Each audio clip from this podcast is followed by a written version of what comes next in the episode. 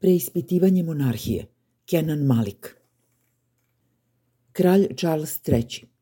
Čim jedan monarh umre, na upražnjeno mesto dolazi sledeći. To je tranzicija koja je za mnoge neophodna i umirujuća, jer održava mit o monarhiji. Kraljevi i kraljice umiru, ali institucija je večna. Upravo to zabrinjava. U ovakvim trenucima zagovornici Republike se kolebaju. Ožalošćeni smo zbog vesti o kraljičinoj smrti i izražavamo saučešće kraljevskoj porodici, tvitovala je grupa Republika. Ima vremena za debatu o budućnosti monarhije. Sada moramo poštovati lični gubitak porodice i dozvoliti njima i drugima da na miru oplakuju gubitak majke, bake i prabake.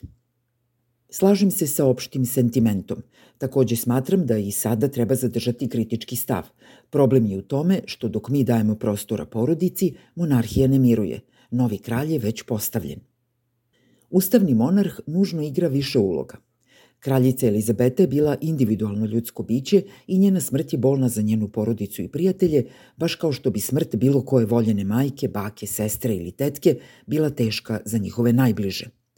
Saosećati sa njihovom tugom je ljudski. Biti lično osvetoljubiv ili slaviti njenu smrt je gnusno. Monarh je takođe nacionalni simbol, a žena koja je na britanskom tronu bila 70 godina zauzima mesto duboko urezano u javnoj svesti. Tu takođe treba uvažiti i poštovati raspoloženje javnosti. Pa ipak to raspoloženje nije jednoznačno. Na prvi pogled, ljudi u velikoj meri podržavaju monarhiju, iskreno žale za kraljicom, ali su manje snishodljivi i ponizni nego što bi to većina medija i sam Westminster želeli. Spremniji su nego ikada na preispitivanje institucije monarhije. I zaista, potrebna nam je analiza toga šta je Elizabeta simbolizovala i označavala, umesto njenog nekritičkog uzdizanja u mit. Centralna tačka tekućih hvalospeva je to da je ona bila oličenje kontinuiteta i postojanosti u doba turbulencija i promena, da je to bila figura koja je pomogla društvu da izvrši tranziciju iz doba imperije u eru nakon Brexita – od zemlje u kojoj je BBC bio jedini nacionalni emiter do savremenog sveta društvenih medija. Iz vremena neupitnog poštovanja do perioda kada se čini da je svaki autoritet doveden u pitanje, a malo šta je ostalo sveto. Mnoge druge nacije su se unutar sebe dogovorile o sličnim vrstama zaokreta, neke bolje, neke lošije od Britanije, a mnoge više nemaju potrebu za naslednim šefom države.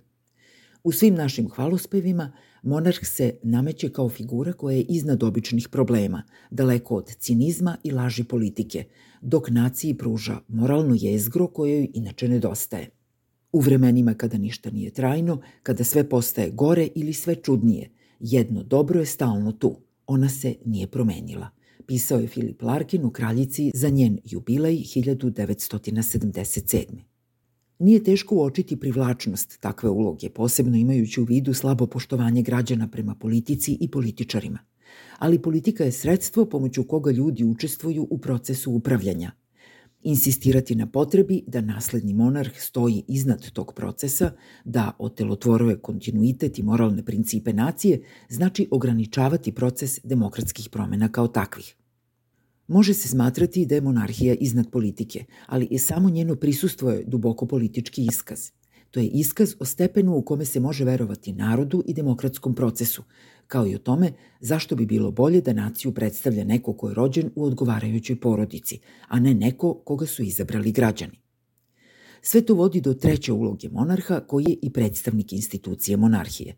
Britanija ima ustavnu, a ne apsolutističku monarhiju – Toj instituciji su tokom decenija sve više oduzimana ovlašćenja, ali to ne znači da se Elizabeta nije mešala u politiku.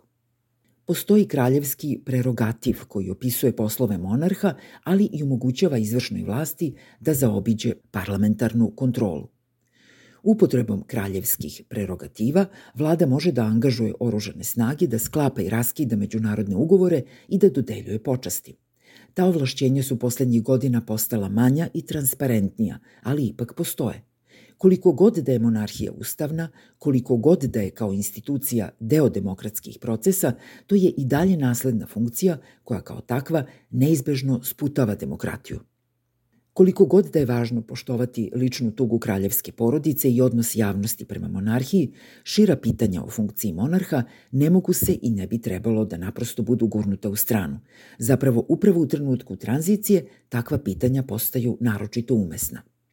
Deo problema je u tome što je poslednjih dana razgovor zarobljen između s jedne strane infantilne mržnje i neprihvatljivog prezira, kao što je izjava američke profesorke koja je kraljici poželela da crkne u najgorim mukama, a s druge strane jedne vrste preterane servilnosti, na primer kada nam Clive Majeri na BBC-u kaže pre zvanične objave kralječine smrti da je rešenje list trasa za energetsku krizu sada beznačajno u poređenju sa težinom krize sa kojom se suočava monarhija.